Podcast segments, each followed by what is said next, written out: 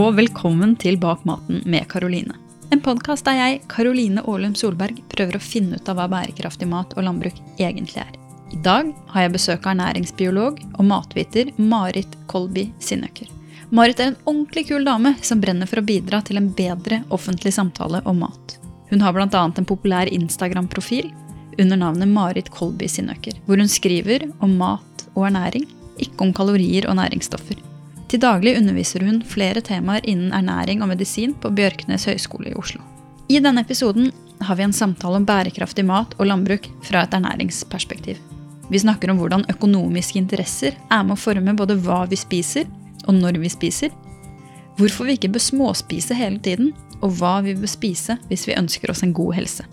Jeg hadde så mye å snakke med Marit om at jeg rett og slett bestemte meg for å lage to episoder på rappen. Det betyr at hvis du ikke får nok av Marit etter denne episoden, så kommer fortsettelsen av samtalen allerede neste uke. I tillegg så har faktisk jeg og Marit spilt inn en podkast tidligere. Ikke i denne serien, men min tidligere podkast Bak maten, en podkast om bærekraft. Da snakka vi om hvorfor ultraprosessert mat ikke er bra for oss. Vi kommer inn på det i dag òg, men jeg anbefaler å finne tilbake til denne episoden hvis du har lyst til å gå ordentlig i dybden på det temaet. Hvis du liker denne podkasten, så hjelp meg veldig gjerne å nå ut til flere ved å legge inn en anmeldelse eller rating på iTunes eller Apple Podkast. Følg også gjerne Bak maten med Karoline på Instagram hvis du er nysgjerrig på hvem jeg er. God lytt! Ja, det, var en, eh, det var en lang rekke med spørsmål. Det skal, det skal bli interessant å se hvor langt vi kommer i den. Hei, Marit. Hei, hei. Jeg hadde lyst til å si velkommen til deg, men nå er det jo sånn at jeg er på besøk hos deg på Bjørknes eh, høgskole, der hvor du jobber. Ja, det er det. Det er hyggelig, det. Du kommer hit. Ja. Eh, jeg har lyst til å, å begynne litt med, med deg, for jeg syns du er en ordentlig kul dame som har på en måte tatt på deg litt den her rollen med å, å spre det du kaller et litt sånn upopulært budskap. Så jeg lurer på hvorfor er det så viktig for deg å formidle disse tingene? Ja, um, det spør jeg meg selv om også av og til. Hvorfor gjør jeg dette her? Hvorfor um, påtar jeg meg denne litt utakknemlige oppgaven og ganske arbeidskrevende oppgaven, um, som uh, jeg heller ikke får noe betaling for? å formidle i, i sosiale medier, f.eks. Men det er Jeg er drevet av en veldig sånn Altså et sterk et sterkt ønske om å forbedre folkehelsen. Altså det er det som er selve driven. Og så vet jeg jo gjennom min kunnskap at maten vi spiser, har et så stort potensial for å forbedre folkehelsen. Eh, og så syns jeg samtidig at den offentlige samtalen om mat som går der ute, er veldig forenkla. Eh, til dels eh, helt feil. Og veldig lite nyttig nyttig, lite matnyttig for folk. da. Mm. Så jeg ønsker å bidra til å rett og slett eh, skape en bedre offentlig samtale om mat. Hva er det vi skal fokusere på? Hva er det som er viktig? Hvordan, hvordan, hva er det vi skal spise for å opprettholde helse både i, altså i menneskene, og, men, men, også hele jorda, da, som selvfølgelig ikke kan skilles fra hverandre. ikke sant? Det henger jo sammen. Mm, du sier at uh, den offentlige samtalen er feil. Vil du si helt kort hva, hva tenker du er feil? Eh, ikke nødvendigvis bare feil, men veldig utilstrekkelig. Dette synet vi har på mat, hvor mat handler om energiinnhold og næringsstoffer. Det er veldig mye det som står i fokus.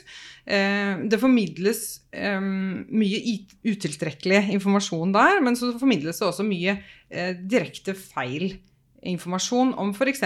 når vi skal spise osv. Som er basert på enten utdatert kunnskap eller antakelser som har vist seg å ikke stemme, f.eks. Men når du utfordrer eh, disse eh, sannhetene, eller det vi på en måte snakker om i den offentlige debatten, hvordan opplever du at folk tar imot? Jeg eh, var jo litt redd for at jeg skulle få utrolig mye pepper. Uh, og jeg syns at jeg har fått uh, utrolig lite pepper. Ønsker du deg mer? ja, altså jeg, jeg, tar gjerne imot en god faglig, saklig diskusjon. Det syns jeg bare er gøy.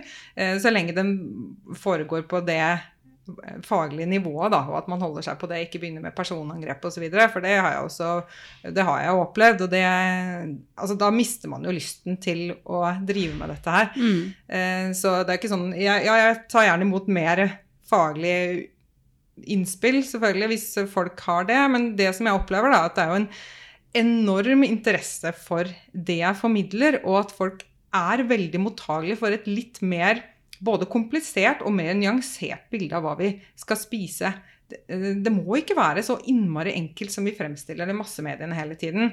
Eh, ting er ikke svart-hvitt. Ofte så er det veldig mange flere forhold å ta hensyn til enn det som kommer fram i disse offentlige samtalene om mat. Som gjør at, eh, ja, som, som jeg sier da, dette offentlige budskapet er ofte forenklet eller feilaktig osv. Så, videre. så Så det er masse interesse for det. Jeg får så mye tilbakemeldinger i alle mulige kanaler og fra folk som er kjempetakknemlige for den jobben jeg gjør. Kjempeinteressert. og Mange har mange interessante oppfølgingsspørsmål. Eh, og de kommenterer også med egne erfaringer, egne betraktninger. Noen av mine følgere f.eks. på Instagram supplerer helt uh, fantastisk den informasjonen jeg gir, og kommer med tilleggsinformasjon og, og sånn som gjør at vi får en veldig fin samtale om mat. Da. Så det er jeg veldig takknemlig for. Mm.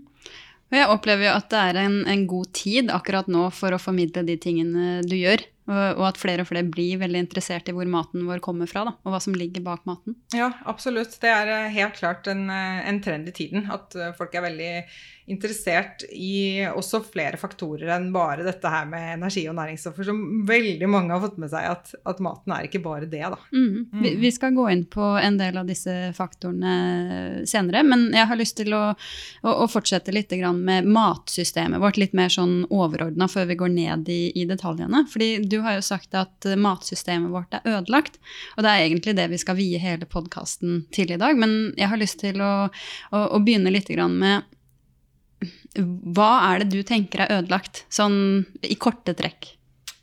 Ja, um, hvordan skal vi si dette her helt enkelt? Altså, det vi ser, er at vi har en negativ trend i utviklingen av hva det er vi faktisk spiser. Og dette snakket vi jo mye om på forrige podkast. Dette inntaket av eh, den ultraprosesserte maten og det økende inntaket av det som vi ser er koblet mot mange forskjellige helseutfall. Og der kommer det jo bare mer og mer og mer eh, dokumentasjon på at dette er problematisk. Og samtidig så ser vi at den um, hva skal man si, mengden vi spiser av ultraprosessert mat, den, den bare øker. Eh, og ikke bare i vestlige land som Norge, men vi ser også da globalt sett eh, i veldig mange av de landene som har hatt tradisjonelle kosthold som har tilpasset deres eh, ja, for, forutsetninger for å dyrke mat og deres mattradisjoner osv., så, videre, så er disse mattradisjonene i ferd med å vike da, for denne ultraprosesserte maten. Eh, og drikken, ikke minst når vi sier ultraprosessert mat, så tenker vi også på på drikke er en viktig bit av det hele. Eh, så vi ser at dette her går feil vei.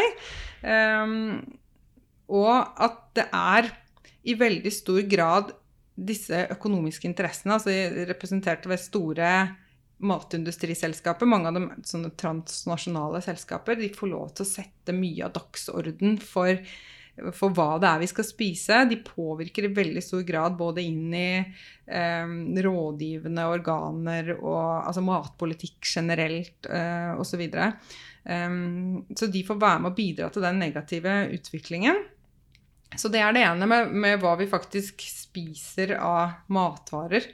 Uh, men det handler jo også om altså produksjonssiden. altså hvor er den, Hvordan er det vi fremstiller uh, råvarene uh, som danner utgangspunkt for matvarene.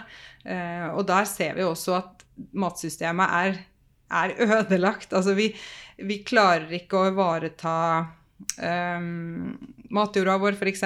Vi taper matjord, vi forurenser miljøet vårt, eh, vi utrydder arter. Eh, altså det, den produksjonsmåten vi har for mat nå globalt, den er jo ikke bærekraftig. Vi ser det at fremtidige generasjoner vil ikke kunne eh, Holde på sånn som vi gjør. Nei, ikke sant. De mm. kan ikke det. Og dermed så, eh, så har vi Vi har flere si, steder eller punkter vi kunne ta tak i hvor vi ser at Um, at systemet fungerer ikke. Det er ikke bærekraftig. Vi har ikke helse verken på planetnivå eller på, på eller human helse, da.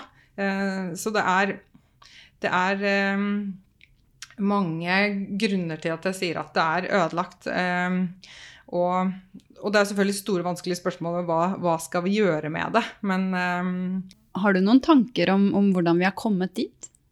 I, i, du beskriver jo en, en, en, massiv ubalanse både i jordklodens økosystem, men også i mennesket og i samfunnet, da.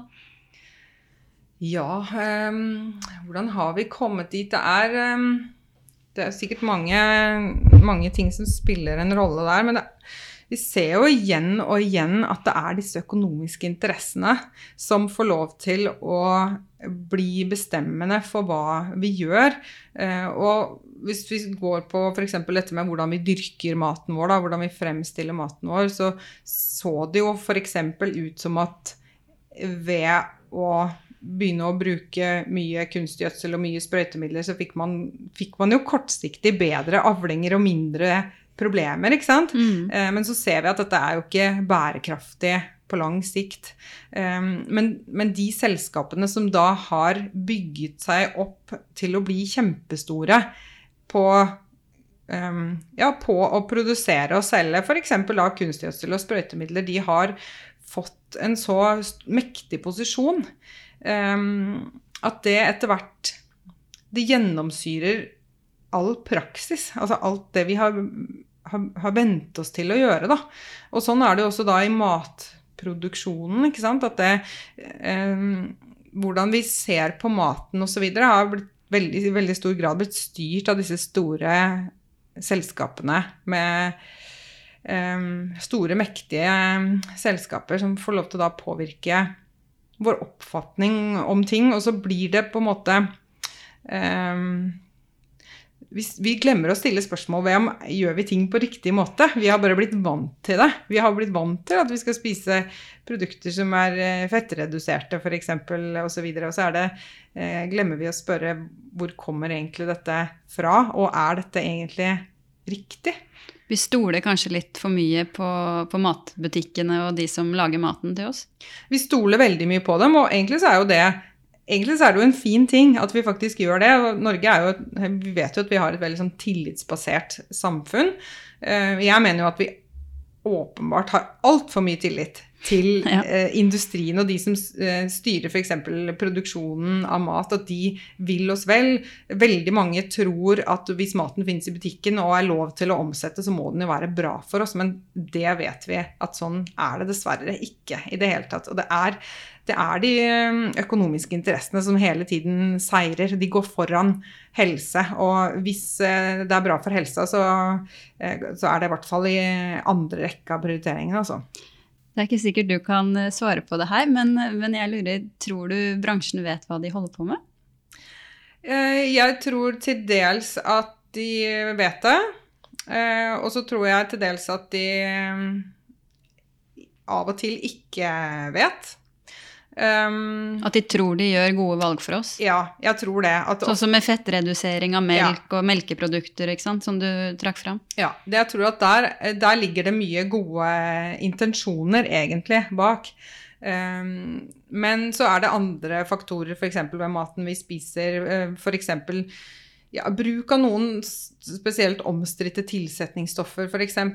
Der har jeg funnet ut etter hvert at de vet, de vet, godt hva de gjør.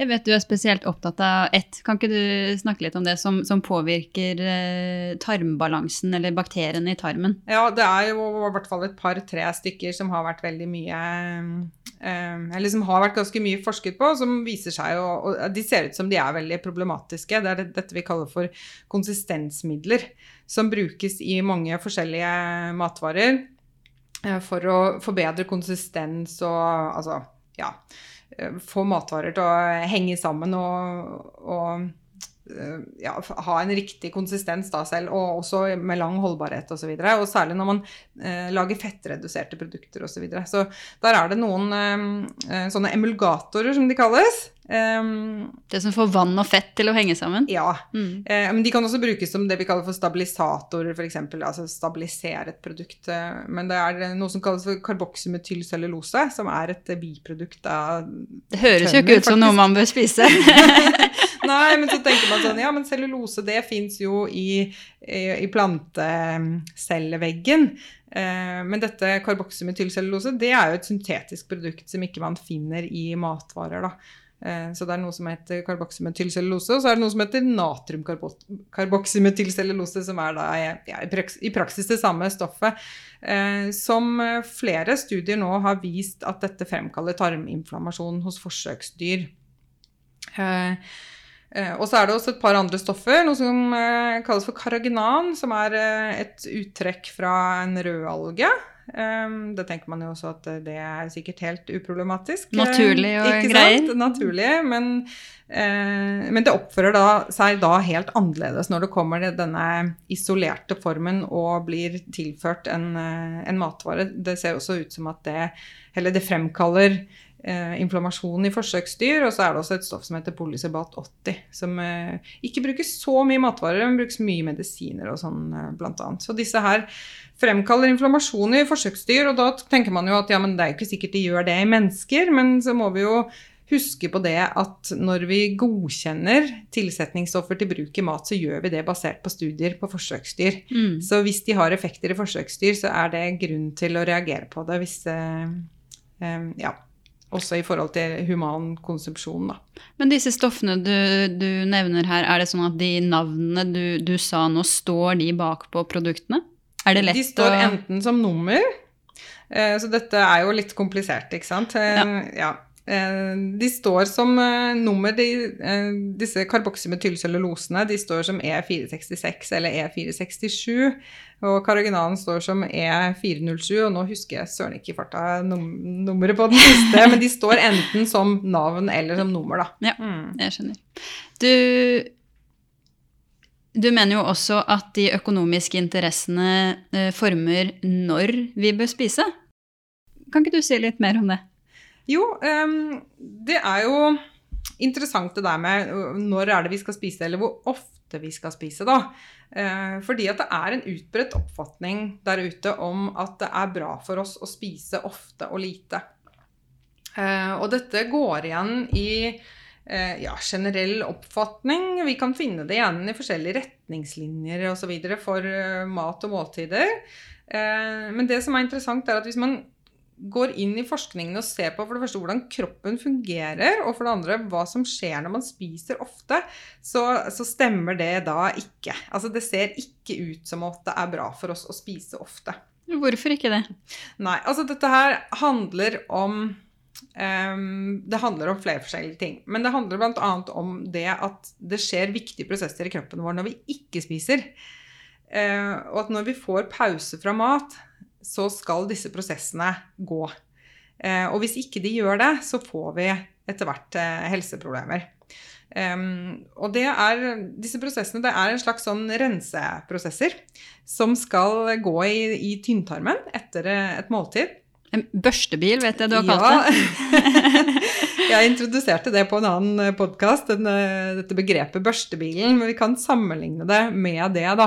Eh, at på samme måte som vi trenger av og til å børste og vaske gatene ute for at de skal være rene og pene, så trenger vi også å gjøre dette her i tarmen. Og det gjør tarmen mellom måltider. Når magesekken har vært tom en stund, så begynner den å sette i gang sånne rytmiske sammentrekninger, og de sprer seg lenger nedover i i tynntarmen og går i sånne sykluser.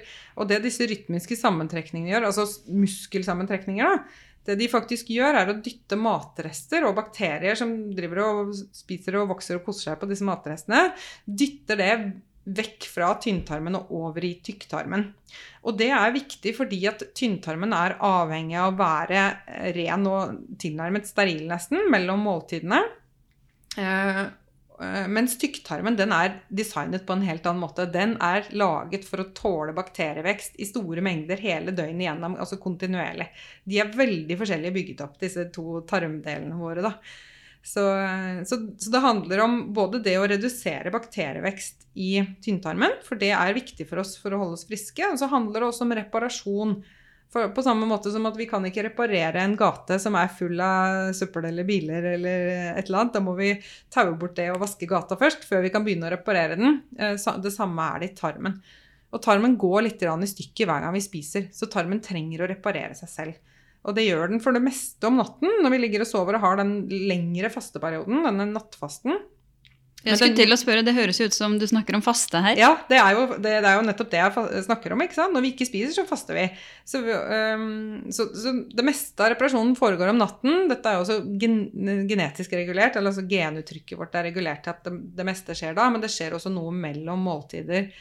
Så det er viktig for oss å få disse her periodene uten mat for å opprettholde normal funksjon.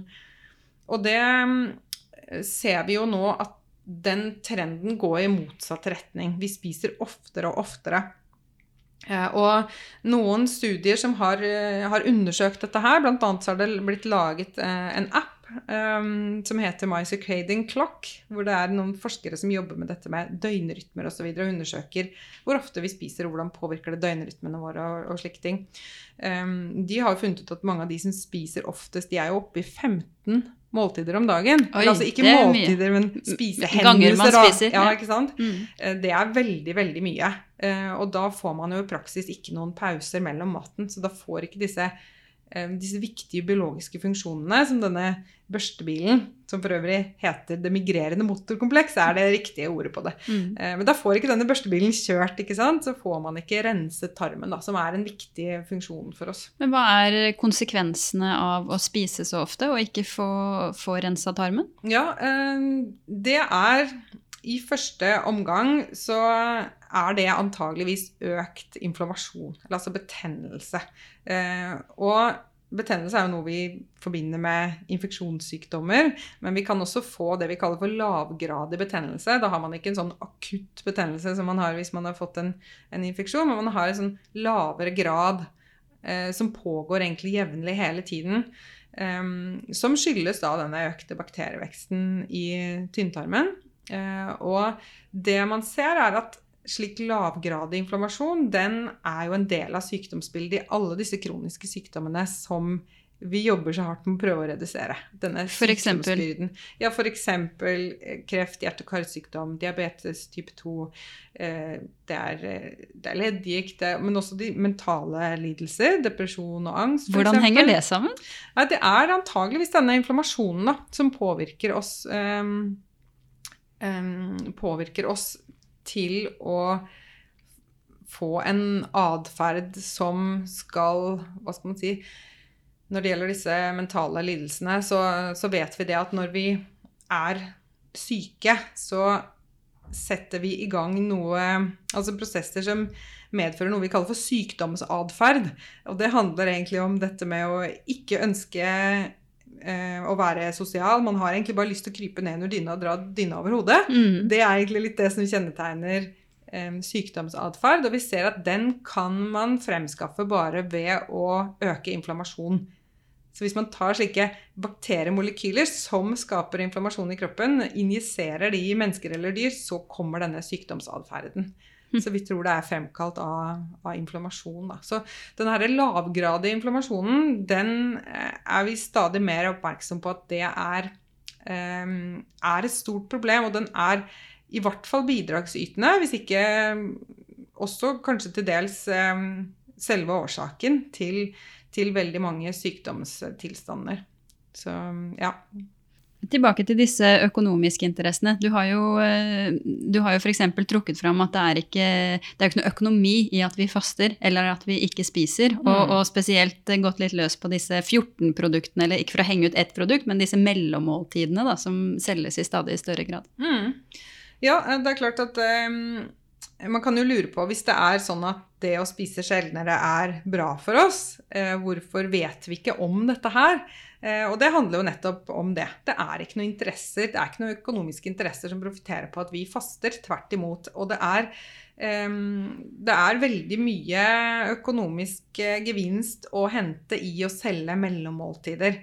Um, og det er noe av det vi har sett i, så, i utviklingen, at det med mellommåltider er noe av det som har vokst mest, på en måte. Det er der eh, si, veksten i produkter har eh, i stor grad skjedd. da.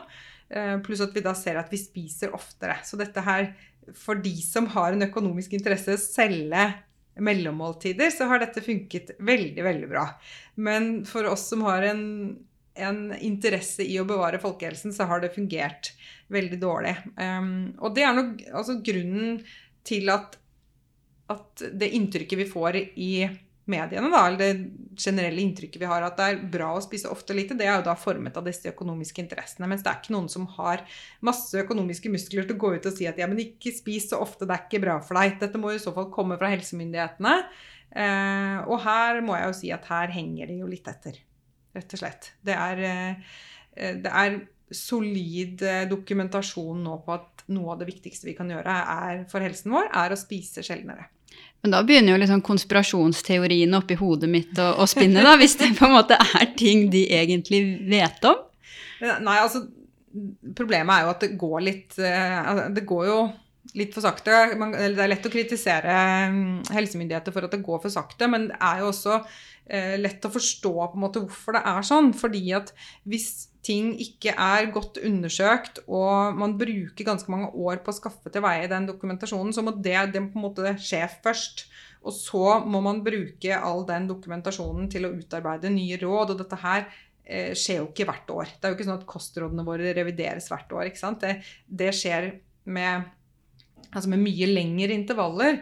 Så det, det kan skje utrolig mye på ernæringsfeltet f.eks. i løpet av ti år eh, som da ikke er eh, kommunisert ennå fra helsemyndigheter. Da. Eh, så man må jo gi dem litt slack også for det. Men, men på den annen side så ehm, Så kan man jo si det at de som jobber med ernæringsfaget, f.eks. For, for matprodusenter, kunne jo kanskje være litt mer vaktbikkjer for folkehelsa og litt mindre fremmere av et budskap som vi nå ser ikke eh, er bra, da, mm. tenker jeg. Mm. En annen ting som, eh, som jeg syns er litt interessant, og som jeg vet du også er opptatt av, er den her kulturelle aksepten for uh, junkfood i, i, dagens samfunn. Um, at vi på en måte hver gang vi skal kose oss, så er vi nødt til å spise dritt. Da. Mm. Um, og jeg opplever også at uh, hvis jeg prøver, no, prøver, å si noe annet Jeg har f.eks. En, en datter på ett år, uh, og det, det kom jo ganske tidlig uh, både familiemedlemmer og, og, andre som hadde lyst til å liksom, gi softis og, og kaker og, og, sånne ting. Og, og, du blir nærmest litt sånn de, Jeg tror folk syns det er litt slitsomt da, hvis mm. man skal være den som har bare lyst til å gi banan og mm. havrekjeks, liksom. Ja. Det er jo utrolig paradoksalt at det har blitt sånn at man skal få tyn for å ønske å gi barnet sitt best mulig mat. Eh, men sånn har det faktisk blitt, og det er jo stadig flere som rapporterer om akkurat dette her. At det er et så utrolig stort Altså det er både en utrolig stor kulturell aksept for å gi dårlig mat. Eh, både til barn og voksne, holdt på å si, men at, at og særlig kanskje til barn. da. Um, og at det er et veldig stort press for at man skal få lov til å gjøre det.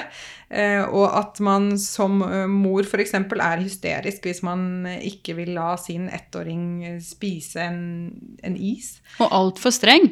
Og altfor streng, ja. Og, og, da tenker jeg at dette er jo en, en utrolig merkelig oppfatning av at det å gi barn noe som er um, usunt for dem, altså som er dårlig for dem, da, at det er å være snill. Mm. Og, hvorfor er det sånn, ja, Marit? Hvorfor ble det sånn? Altså, jeg tror jo at dette henger jo kanskje sammen med hvordan vi alltid har sett på dette her med uh, kake, kjeks og is og slike ting som Altså Før så var jo det mangelvare, ikke sant? og det var et tegn på sjenerøsitet, um, og at da er du da er du både snill og sjenerøs og velmenende hvis du kan servere kake og is til folk rundt deg, fordi at det er både dyrt og mangelvare. ikke sant? Mm. Jeg skulle til å si det blir nesten et sånn forhandlingskort, da.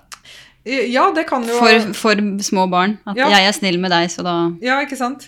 Eh, og så har man da Fordi at det har liksom blitt forbundet med å være snill, da, og gi eh, slike matvarer, så har, henger det igjen også i en tid hvor disse matvarene dessverre er i overflod og har blitt eh, så billige og så lett tilgjengelige. De bare er overalt hele tiden. Og så tenker vi fortsatt at det er snilt å gi eh, is til barn. Men det er ikke snilt å gjøre det eh, i den frekvensen og i den mengden som vi gjør det. Eh, og der er det jo spesielt dette med barn. altså Voksne må jo på en måte ta ansvar for seg selv, men det er jo vi voksne som må ta ansvar for barna. Eh, og da, hvis vi gir en, et lite barn, en toåring, da, en, eh, en kronis, så er jo det det samme som å gi en voksen mann fem kronis. Og alle skjønner jo det sånn helt instinktivt, at det er altfor mye for en voksen mann å stappe i seg fem kronis på rappen. Men det, hvorfor gjør vi det da så um, med lett hjerte til et barn? Fordi at, sant, Det utgjør da en veldig stor del av energiinntaket til det barnet. Um, og, og, så, og, så bruker man ofte sånne argumenter som man, ja, men man må jo kose seg litt, og det er jo bare den isen, og det er bare den kaken osv. Men hvis man begynner å telle opp alle disse hendelsene, uh, så ser vi det at det vi står igjen med, er at junk utgjør en stor andel av matinntaket til barna. Nettopp fordi at, eller Både fordi at porsjonene ikke er tilpasset barn, og fordi at det har blitt så stor kulturell aksept for å gi det. Da. Og at akkurat som vi har glemt hva det er som er å være snill med barn. Altså Det å være snill med barn er jo å sette seg ned og lese for dem, eller leke med dem, eller gjøre et eller annet gøy med dem. Ingen, sette av tid. Sette av tiden sin, ja. ikke sant? Det er det som er å være snill med barn, ikke det å gi dem et eller annet som er direkte helseskadelig for dem. Og dette her har jo blitt så ekstremt at altså Jeg hører jo om mange som forteller f.eks. For i forbindelse med fotballtreninger. Så enten begynner eller slutter man fotballtreningen med å dele ut is til barna. Altså, hva er det for noe? Det har vi helt mistet gangsynet. Altså, det virker som vi har virkelig gjort det. Altså, vi har helt uh, mistet um, um, kontakten med hva som er riktig frekvens og mengde av sånn type mat og drikke. Vi har en kjempestor kulturell aksept for, for det. Og f.eks. også brus. da, Brus til hverdags. ikke mm. Vi Um, drikker lettbrus som om, det var, som om det var tørstedrikken, og det er helt sånn sosialt akseptert. Hvordan blei det sånn? Og tror, tror, egentlig at det er greit når det ikke er sukker i det. Ja, ikke sant. Ingen kalorier, så er det ikke greit. Og så er det jo ikke det, det, er jo ikke det studiene viser. Så vi har god dokumentasjon på at denne, dette inntaket av alt, alt dette junket er veldig skadelig for oss. Så vi må gjøre noe med den kulturelle aksepten. Og eh, huske på at det er ikke snilt å gi, gi hverandre produkter som er skadelige for oss. Um, og det er masse gode alternativer. Og så kan man også la være å spise. Man kan møtes og ha det hyggelig sammen uten å spise noe også. Det er ikke alle anledninger som krever noe mat. Um, så det er også noe å tenke på, mener jeg da. Mm. Jeg har lyst til å gå over til, eh, til, den bolken jeg har kalt, eh, eller som du også kaller, 'Hva skal vi spise?' Um, og den er ganske omfattende og inneholder masse detaljer, så vi må gå løs på den på en litt uh, ryddig måte. Og jeg vet du har delt den opp på Instagram-profilen din, f.eks., når du har uh, kommunisert uh, disse tingene, i miljø, dyrevelferd og helse. Ja. Men først så har jeg lyst til å åpne med et sitat fra Instagram-profilen din som jeg syns er, eh, er, veldig fint, som handler om uh, kjøtt eller ikke kjøtt. Medfører kjøttspising død og lidelse for dyr? Ja, i en målestokk vi ikke kan fatte. Men er det sånn at den veganske maten ikke medfører dyredød og lidelse? Nei. Bidrar kjøttproduksjon til miljøproblemer? Definitivt. Men er det å spise plantebasert alltid det mest miljøvennlige? Nei. Kan produkter av kjøtt være negativt for helsen? Uten tvil. Men er det å unngå kjøtt og animalske produkter alltid det beste for helsen? Nei. Jeg syns jo det her er et uh, fantastisk sitat som, som, virkelig belyser kompleksiteten i det, da, og hvor vanskelig, hvor vanskelig det egentlig er, da å spise, å spise, riktig i dag, i, i, anførselstegn. Ja, er det egentlig så vanskelig, eller har vi bare Det høres jo litt vanskelig ut hvis man på en måte kommer utenfra og ikke har eller ikke så mye kunnskap om mat, da. Ja, eh, det er jo sånn at vi må ha flere tanker i hodet samtidig når vi spiser, det, eller når vi velger maten vår. Det stemmer. Men, eh, men jeg, jeg syns ikke at det egentlig er så vanskelig å spise sunt. Eh, og også ivareta disse andre hensynene. Eh, og det prøver jeg også å vise i mine kunnskapsposter da, da jeg driver denne populærvitenskapelige formidlingen. At det mm. fins matvalg som både er eh, som ivaretar alle disse problemstillingene her, sånn, og som allikevel er både rimelig lett tilgjengelig osv. for alle. Så man trenger ikke um, ja, det, det, trenger ikke å være så vanskelig, da. Men jeg mener jo at vi har komplisert budskapet uh, i vel, ja, altfor mye. Um, eller kanskje forenklet det på en måte som gjorde at det ble vanskelig. Fordi at vi har snakket så mye om f.eks. innholdsstoffene i matvarer. Da, og, så, og, glemt å se på hele kostholdet i, i veldig stor grad. Mye av his, den historiske utviklingen innenfor ernæringsfaget f.eks. Eh, og da blir det jo veldig komplisert hvis du skal prøve å liksom spise på en måte som, eh, som gjør at du oppnår akkurat det og det nivået av eh, proteiner eller Forskjellige næringsstoffer, liksom. Ja, ja. Da blir det veldig vanskelig å spise. Så, så, der har vi på en måte komplisert det. Eh, og samtidig så har vi eh, glemt å se på en masse faktorer som også var viktige. Og vi, vi har forenkla det på andre områder, da. F.eks. ved å snakke om eh, miljøpåvirkning fra mat som at det bare handler om klimagasser. Men la oss, la oss begynne med, med helse. Ja. Hva bør man spise hvis man vil spise riktig for helsa? Ja, um, det var det. altså, da er vi jo tilbake til det vi snakket om i forrige podkast igjen. ikke sant? Man bør spise råvarer. Det er i råvarene at matens um, ernæringsmessige verdi er uh, bevart.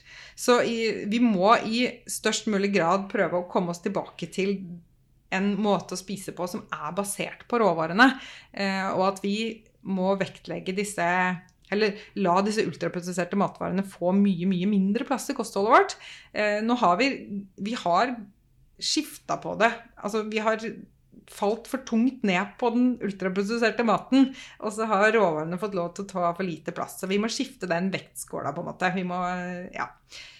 Men jeg, jeg, jeg, tror vi må, må, ha inn eh, litt definisjoner her. Eh, både, både, råvarer, hva er egentlig det? Og så si litt kort om, eh, om, ultraprosessert mat. Jeg vet vi har snakka om det tidligere, men, men helt kort. Hva, hva er ultraprosessert mat? Ja, altså, råvarer først. Vi kan ta råvarer først. Altså, ja. Råvarer er jo maten sånn som vi høster den i naturen. Så det vil jo være ja, frukt og grønnsaker og nøtter og bær og eh, frø og egg og fisk og kjøtt og alle disse forskjellige Sånn som vi vil um, høste det i naturen eller hente det hos bonden eller et eller annet. Så det Uten at industrien har vært innom? Ja. Og så har vi det vi kaller minimalt prosesserte råvarer. altså Hvis de er liksom eh, renset eller hakket eller kjølt eller et eller annet sånt, så er du, du har fortsatt den samme sammensetningen av maten. Da. Det er ikke det endret. Så det er liksom de tingene vi må tilbake til å spise mer av. Og så må vi redusere på den ultraprosesserte maten. Og det er jo så kort sagt så er jo da ultraprosessert mat matvarer som er prosessert industrielt i en så stor grad at ikke de lenger kan bevare vår helse. Dette er veldig omfattende og komplisert eh, hva dette ultraprosessert begrepet innebærer. Men det handler jo da om at det er veldig lite råvare igjen ofte i produktet, og at det har gjennomgått mye um, avanserte industriprosesser som forringer det totale produktets kvalitet. Da. Så det handler om kvalitet på mat. Og hvordan påvirker det oss å spise mye ultraprosessert mat? Ja, um, nå begynner det etter hvert å komme mye studier på det. Um, og mye mer oppsummert forskning også. Så det er jo interessant å se. Noe av det vi vet mest om, er eh, påvirkning på vekt. Um, det ser ut som at eh, et høyt inntak av ultraprosessert mat uh, det tilrettelegger for vektøkning. sammenlignet da med å spise råvarer. Eh, der har vi også en, en veldig god sånn randomisert, kontrollert studie, som er eh, gullstandarden innen forskning, da, som viste ganske dramatiske effekter på kort tid um, av det. Så det er vekt, det er hjerte- og karsykdom, det er diabetes type 2, det er kreft, det er um, total dødelighet uansett uh, årsak, altså for tidlig død, da. Um, det er også um, slike gastrointestinale problemer, altså som f.eks. Um, eh, IBS, irritabelt tarmsyndrom. Um, men det er også, som jeg, som jeg nevnte i stad, altså mentale lidelser, depresjon f.eks., har vi studier som viser, viser, en sammenheng. Men de fleste av disse studiene her, det er jo det vi kaller for sånne observasjonsstudier, som ikke er egnet til å si at det er selve årsaken. Um, at denne maten er selve årsaken. Men, um, uh, men vi ser f.eks. også en sånn dose-respons-sammenheng. Altså de som spiser mest, har størst risiko for å lide av disse sykdommene. Og det er flere indikasjoner på at den sammenhengen vi ser der, er, er reell. da. Så, ja, så, så, det å vende bort fra den ultraprosesserte maten og mot råvarene, det er en um, hva skal man si, en utrolig lite problematisk anbefaling å gi. som de, ja. de, fleste vil stille seg bak da, innenfor eh, ernæringsfaget. Mm. Mm. Jeg vet du er eh, Eller altså, det er flere og flere som, som velger bort kjøtt av, eh, av, mange hensyn, og tenker at det er bedre for både miljø og klima og, og helse, men samtidig um, bytter ut dette kjøttet med ultraprosesserte veganske og vegetarprodukter. Mm. Jeg vet du er litt opptatt av liksom, ironien i det. Ja. og så tenker man jo gjerne at når man er vegetarianer eller veganer, så, så er man mye sunnere enn de som spiser kjøtt. Mm. Ja, um, det er jo det virker jo som at det er en sånn utbredt oppfatning at hvis ting er, er vegetarisk, så er det likhetstegn med sunt. Eh, og det er jo, ja, som du sier, litt sånn ironisk, fordi at noen av de matvarene vi vet veldig godt at ikke er bra for oss, eh, det er jo vegetariske matvarer. Altså sant? Brus er basert på planter, og cookies er basert på planter og potetgull. og det er, det er, ja, det er mange donuts er plantebaserte, ikke sant. Så, um, så, så, det der med at det er vegetarisk, det er ikke noe likhetstegn med at det er sunt. Og, og jeg er jo eh, bekymra for at vi bytter ut ett problem med et annet problem. da. Um, eller at vi kan, vi kan, skaffe like mange problemer i kjølvannet av å bytte ut da kjøttprodukter med disse ultraprosesserte vegetarproduktene. Kjøtt, kjøtterstatningsproduktene. Ja. Mm. Mm. Så jeg, jeg, jeg, er ikke overbevist om at det er et godt bytte. Um, ja. Jeg er jo vegetarianer selv. Ja. Um, og selv om uh, veldig mange sier sånn jo mer jeg lærer om, uh, om landbruket, jo, jo, mindre hadde jeg lyst til å være veganer, nei, vegetarianer, så, så, har jeg på en måte uh, forblitt det, da. Mm. Fordi jeg syns det fungerer veldig godt for meg. Mm.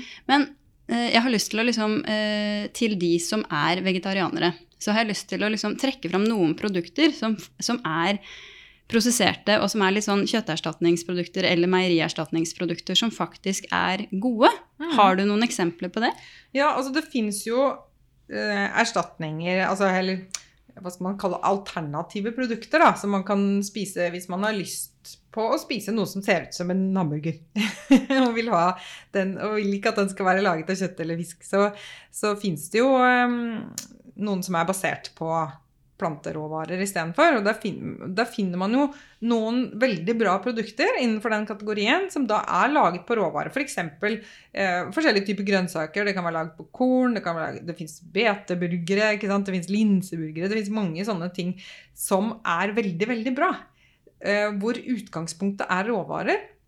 Men hvordan skiller man de når man står i butikken? Ja, Da må man lese på ingredienslisten eh, og se hva som er bakpå. Og hvis det er råvarer som dukker opp først, hvis det står f.eks. at i denne burgeren her så er det, eh, det er bygg og det er rødbeter og ja, slike ting, så, så, vet man at da er den basert på råvarer. Men hvis det står i innholdsfortegnelsen at dette her er stivelse, vegetabilsk olje, hydrolysert protein, slike ting som, man, uh, som ikke er råvarer i det hele tatt, da, som bare er ingredienser, så er det et veldig mye dårligere produkt. Da burde varsellampene lyse? Da burde varsellampene lyse, ja. Så, men det er jo en, spesielt en produsent som vi kunne trekke fram, da, som er veldig bra, og det er disse grønne folk. Ja, jeg skulle til å, skulle ja. til å trekke fram de. Mm. Mm, det er et stjerneeksempel på at man kan gjøre en veldig bra um, Altså man kan lage veldig bra produkter fra uh, planteråvarer. Så. For de selger jo ferdigmat, rett og mm. slett. Ja, de mm. gjør det. De selger bra ferdigmat, og det fins bra ferdigmat også. Det, det, er godt å høre. Da er det mm. håp. Mm. Men jeg har lyst til å, å, å bare trekke fram tofu òg. Fordi veldig mange som er eh, eh, veganere, er veldig opptatt av tofu. Og tofu er en sånn eh, ingrediens som jeg har bare skygga nå i, i ti år, fordi jeg tenker at det, at det ikke er bra. Da. Men så snudde jeg pakka her om dagen og så på tofu, og der står det rett og slett soyabønner og vann. Ja. Er det et OK produkt? Ja, det er et eh, lite prosessert produkt. Jeg tenker at vi kan omtrent sammenligne det med ost. Altså Det er et prosessert produkt, men det er ikke et ultraprosessert produkt. Nei. Så det er, eh, det er absolutt et, eh, et bra alternativ. Men da må man jo også ha flere tanker i hodet. Ja. da, Hvor kommer denne soyaen fra, og så Mm. videre. Og, ja. Ja. Mm. Og eh, siste eksempel jeg har lyst til å dra fram, hva med Oatly? Som er på en måte den store aktøren som, eh, som, eh, som gir oss eh, melke- og meierierstatningsprodukter. Ja, øh, nå har ikke jeg alle disse ingredienslistene fra Oatly sånn helt framme i panna, må jeg innrømme. Men jeg har jo sjekket noen av disse melkeerstatningene, altså plantemelkene. Eh, og Oatly er jo en av de som kommer best ut der. Som eh, bl.a. Eh, denne havremelken f.eks. er jo da laget på lokale råvarer. Den er økologisk, og den inneholder bare havre og litt havsalt, så vidt jeg husker, og vann. Ja. Eh, men så finnes det andre alternativer som er vesentlig dårligere. Altså sånn- plantemelk, plantedrikkealternativer. Mm. Mm. Så, og noen av dem tilsetter f.eks. disse omstridte konsistensmidlene. Um, Ja. Så det, da har man ikke gjort et godt skifte um, med tanke på å bytte ut um, matvarer, tenker jeg. da. Og så, kan man, hvis man vil være opptatt av klima f.eks., så er det jo smart å tenke på at uh, lokalt produsert havre er vesentlig bedre enn ris f.eks. Eller soya, som vi akkurat prata om. Nettopp. Mm. Mm. Før vi går videre, Marit, er det noe mer du har lyst til å, å legge til rundt denne helsebiten? Ja, altså um, Vi snakket om hva vi skal spise, og vi snakket om råvarer og um, dette med ultraprosessert mat. Uh, men det holder jo ikke nødvendigvis hvis man skal spise sunt. Så, ja, så må man jo også tenke litt på hvordan er disse råvarene fremstilt. For det er jo ikke alle, uh, jo ikke alle råvarer som er like bra. Altså F.eks. når vi snakker om disse animalske råvarene. De, um, altså Dyrets helse er jo viktig for hvor bra den animalske maten blir. Uh, så det er klart det er eh, Og det er forskjell på, um, på egg, f.eks. Det er forskjell på burhøns som har eh, på en måte vært på et sånt eksistensminimum, og på eh, økologiske verpehøns som får lov til å gå ute og Ernæringsmessig. hakke- Ja, Mm. definitivt. Og, og de hønene som får lov til å gå ute og spise insekter og, og få bedre mat eh, generelt, da. Litt interessant der, sånn, det er jo noen analyser gjort fra det som kalles for eh, altså beitehøns. De som får lov til å gå ute og, og spise gress og nappe insekter og sånn. Ja. Um, og hønene spiser faktisk mye gress også hvis de får sjansen. Det er det ingen som snakker om. Nei. de vil nok helst være ute og beite, de òg, sånn som andre, andre dyr, hvis de Mm. får muligheten til det. Um, og der er det jo noen analyser som er gjort um, hvor det vises eh, ganske ekstreme forskjeller i næringsinnhold på disse eggene. Enten det da er det konvensjonelt produserte egg, eller om det da er egg fra, eh, fra beitehøns eller høner som får lov til å gå ute. Da. Så, så jeg tenker jo at det er, det er et argument for at det er verdt å bruke litt penger på å kjøpe bedre mat fra bedre produsenter, f.eks. Som man kan kjøpe direkte, via direkte handel, f.eks. via Reko-ringer osv. Så, videre. så det er jo én ting. Og så er det forskjell på næringsinnholdet i, i gressfôra kjøtt eh, og fra kjøtt som har Eller storfe som har eh, Sånn som vi vet at det foregår bl.a. på disse farmene i USA hvor de står og spiser mais liksom, den siste tiden i store mengder. Eh, For å fôres opp. ja. Eh, som ikke er bra for, for kyrne i det hele tatt. Altså, det er jo best for kyrne å spise mest mulig gress. Mm. Mm.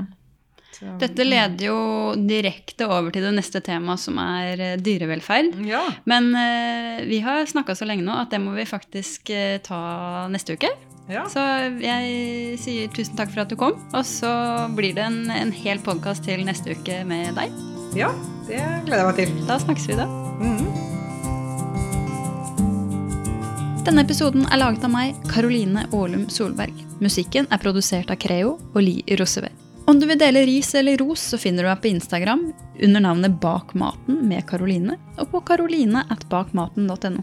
Tusen takk for at du hørte på denne episoden, og husk at det utgjør en stor forskjell om du legger igjen en anmeldelse eller rating på iTunes eller Apple Podcast. Vi høres igjen neste uke. Ha det!